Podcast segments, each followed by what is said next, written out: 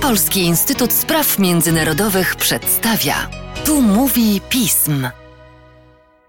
Tu mówi pism. Przy mikrofonie Mateusz Józwiak, a wraz ze mną Amanda Dziobińska, analityczka oraz ekspertka Polskiego Instytutu Spraw Międzynarodowych do spraw Francji. Cześć Amando, dzień dobry Państwu. Cześć Mateuszu.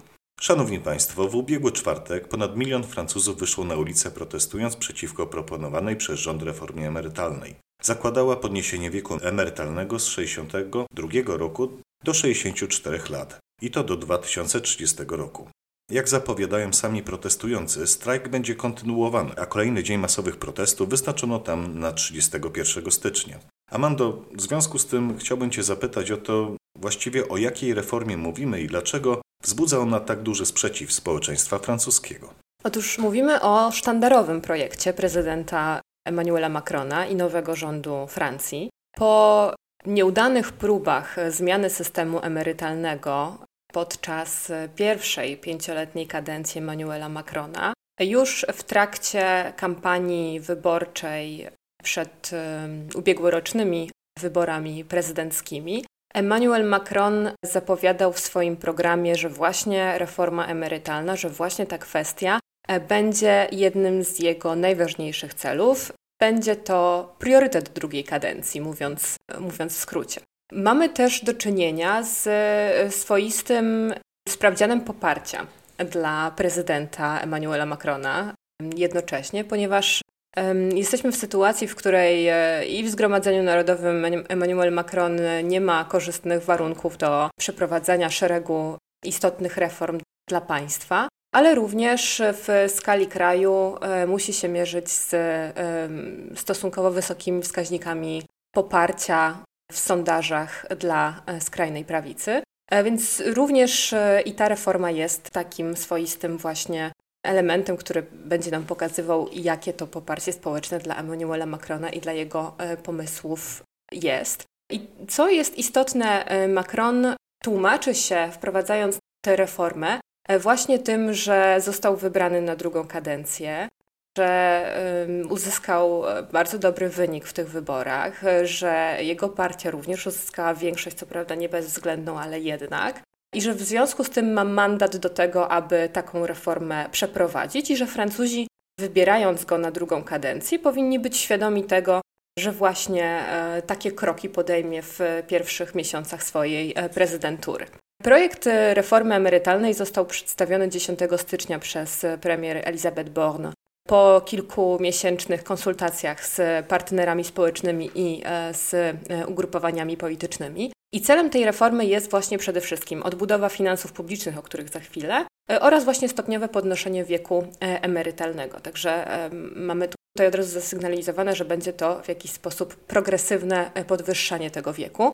I sama premier Born podkreślała właśnie, że ta reforma jest niezbędna. Niezbędna jest dlatego, że gdyby nie została przeprowadzona, to moglibyśmy mieć we Francji do, do czynienia z takimi krokami jak podwyższenie podatków, e, jak obniżanie e, emerytur i że cały system emerytalny tak naprawdę, gdybyśmy go pozostawili w obecnej formie, byłby zagrożony.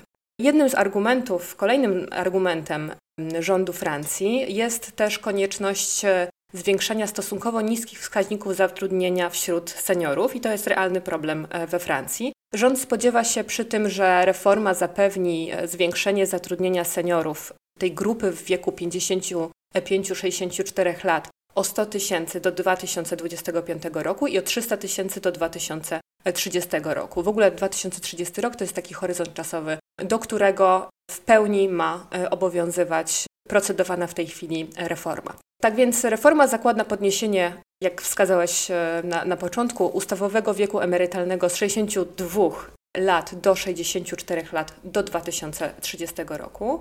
Tutaj zaznaczyłabym jeszcze, że właśnie ta próba reformy systemu emerytalnego, która miała miejsce w poprzedniej kadencji Macrona, e, zakładała, że podwyższenie wieku emerytalnego nastąpi do 65 e, roku życia, plus w ogóle zmieniała całą architekturę systemu emerytalnego. E, ta reforma jest trochę mniej drastyczna, jeżeli chodzi o, o właśnie całość funkcjonowania systemu emerytalnego. Premier Born Przedstawiając projekt tej reformy, podkreślała, że ona będzie dotyczyła wszystkich, więc Rząd posługuje się takim hasłem jak sprawiedliwość. ale oczywiście nie wszystkich dotknie w tym samym stopniu i to już wiemy po zaprezentowanych skutkach regulacji. I co do zasady, właśnie ta reforma ma wydłużyć czas pracy Francuzów, więc wiek emerytalny będzie stopniowo podnoszony o 3 miesiące każdego roku, tak aby do 2030 był on na poziomie 64 lat. Też przyspiesza ta reforma również okres odprowadzenia składek,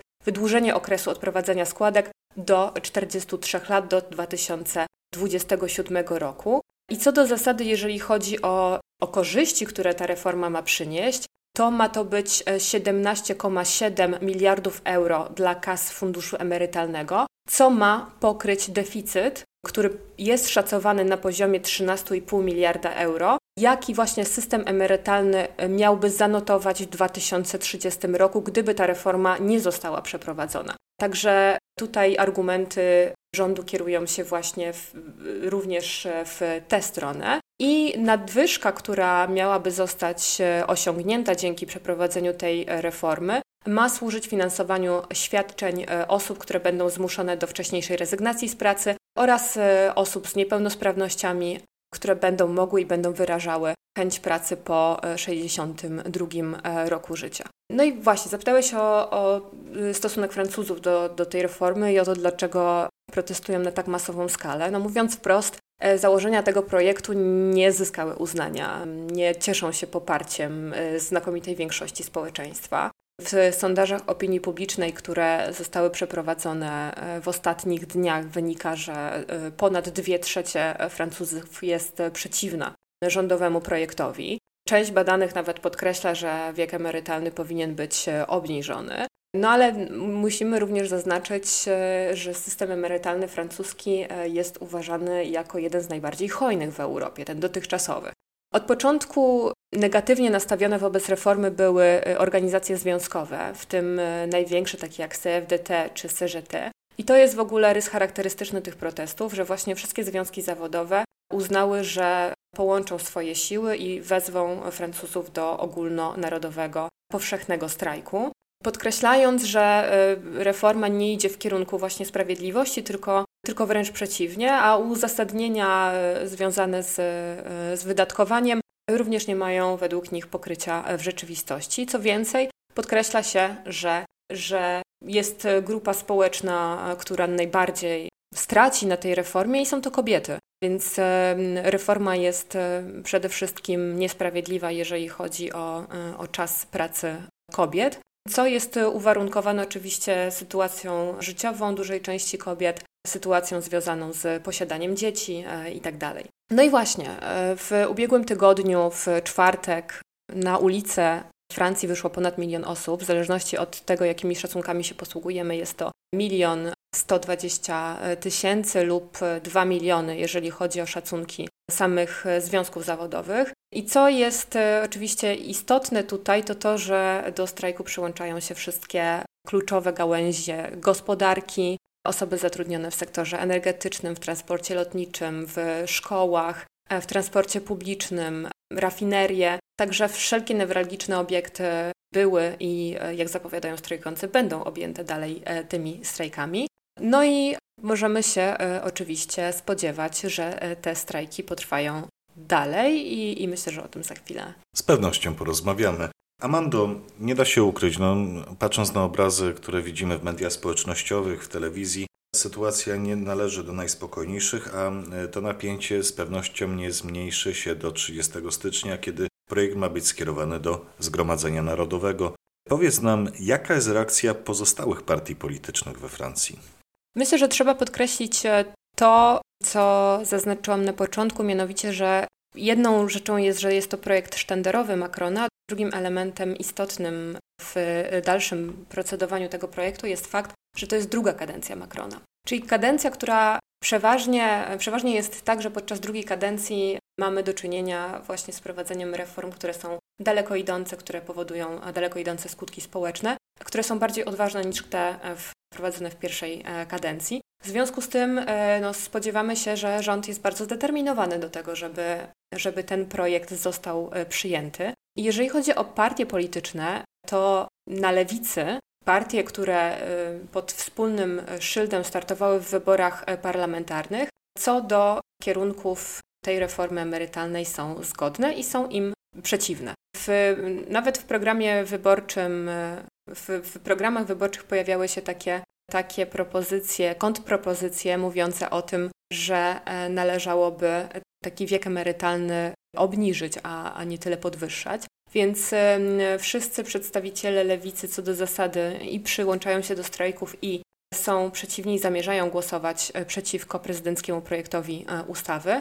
No ale między tymi partiami lewicowymi oczywiście są też różnice co do proponowanych rozwiązań alternatywnych. Jeśli chodzi natomiast o republikanów, to szanse na ich poparcie dla reformy nie jest jednoznacznie przekreślone, ale z pewnością jest ono uzależnione od wdrożenia szeregu zastrzeżeń, które ta partia proponuje. Głosy prawicy republikańskiej mogą być właśnie istotne dla większości prezydenckiej, e, żeby ten projekt przegłosować, ale są pewne e, zastrzeżenia proceduralne, o których jeszcze e, za chwilę również porozmawiamy, które być może ułatwią rządowi wprowadzenie tej reformy nawet właśnie bez uciekania się do dodatkowych głosów prawicy republikańskiej. Republikanie tra tradycyjnie opowiadają się za reformą emerytalną podwyższającą wiek, ale w szczegółach właśnie co do, co do konkretnego projektu zaproponowanego przez e, Macrona, nie są zgodni. Jeżeli chodzi natomiast o skrajną prawicę, o prawicę, która e, jest reprezentowana przez Zjednoczenie Narodowe, e, to jest ona zdecydowanym przeciwnikiem reformy i lider partii podkreśla, że reforma jest niewiarygodnie brutalna dla milionów ludzi i jest niesprawiedliwa, a te uzasadnienia, które podaje rząd, mówiące o tym, że system emerytalny jest zagrożony, jest to kłamstwo tak naprawdę. Więc deputowani Zjednoczenia Narodowego e, oczywiście nie będą e, głosowali za przyjęciem tej reformy, ale również mają problem z tym, żeby do strajków się przyłączyć, ponieważ oskarżają same związki zawodowe o bycie współwinnymi przeprowadzenia tej reformy, ponieważ e, związki zawodowe przed drugą turą wyborów prezydenckich duża część opowiadała się za kandydaturą Macrona, za ponownym wyborem Macrona na drugą e, kadencję. Więc, więc niejako właśnie i, e, i te związki zawodowe obarczają, obarcza skrajna prawica winą za wprowadzenie tej reformy. Amando, podsumujmy dzisiejszy podcast pewną perspektywą, krótką, bo krótką, ale jednak. Jaki jest przewidywany dalszy tok prac legislacyjnych? Rząd chce, żeby ustawa była procedowana w szybkim tempie. Już na początku tego tygodnia ona została e, przedstawiona Radzie Ministrów, a następnie ma trafić do Zgromadzenia Narodowego 30 stycznia e, i być rozpatrywana na posiedzeniach w lutym. Szacuje się, że ustawa mogłaby zostać przyjęta pod koniec marca. Mamy tak naprawdę do czynienia z możliwością przyspieszonego toku prac, która, którą gwarantuje artykuł 47.1 Konstytucji, który odnosi się do e, uchwalanych przez Parlament projektów ustaw o finansowaniu ubezpieczeń społecznych i stanowi, że jeżeli Zgromadzenie Narodowe nie zakończy pierwszego czytania e, w terminie 20 dni od wniesienia projektu, to rząd wówczas jest uprawniony do przesłania projektu do Senatu, który powinien zająć stanowisko w ciągu 15 dni. Więc mamy do czynienia z możliwością dosięgnięcia po procedurę, która radykalnie skraca, ogranicza e, debaty parlamentarne. To jest jedna rzecz. E, natomiast konsekwencją jeszcze sięgnięcia do tego artykułu jest to, że jeżeli parlament nie zajmie stanowiska w ciągu 50 dni, to wówczas postanowienia projektu mogą zostać wprowadzone w życie w drodze ordonansu, czyli e, mamy do czynienia również z metodą, która e, nie była dotychczas, po którą nie sięgano dotychczas, która pozwala uniknąć stosowania artykułu, drugiego, innego artykułu 49 ustęp 3, który pozwala rządowi przyjąć projekt bez głosowania pod pewnymi e, warunkami. I e, dzięki temu mógłby rząd właśnie uniknąć e, ewentualnego wotum nieufności.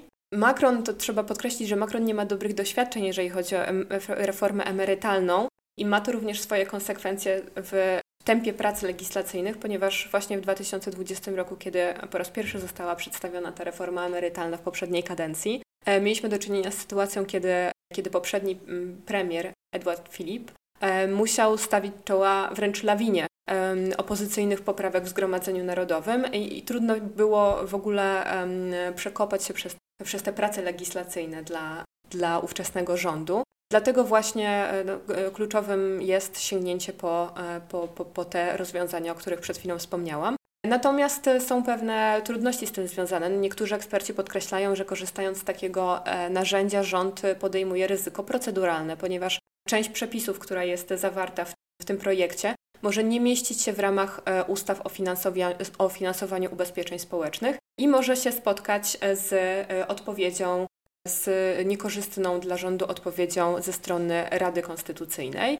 Tak więc mniej więcej takiego tempa prac możemy się spodziewać, jak, tak jak powiedziałam, pod koniec marca szacunki wskazują, pewne szacunki wskazują oczywiście, że taka ustawa może zostać przyjęta. No a jeżeli chodzi o tempo strajków, to również mamy już zapowiedź co do tego, że strajki zostaną powtórzone i zostaną powtórzone 31 e, stycznia. I również możemy się spodziewać, e, po, przynajmniej po zapowiedziach e, związków zawodowych i po dotychczasowych deklaracjach związkowców, które nawet sugerują, że w ramach niektórych grup strajk zostanie albo wydłużony, albo rozpocznie się wszędzie, wcześniej, że będziemy mieli e, właśnie do czynienia z e, dużą skalą e, protestów i również obejmie ona i sektor energetyczny, i rafinerie, i szkoły, i transport publiczny, ale także ośrodki narciarskie, więc tu oczywiście ma to związek z, z feriami nadchodzącymi.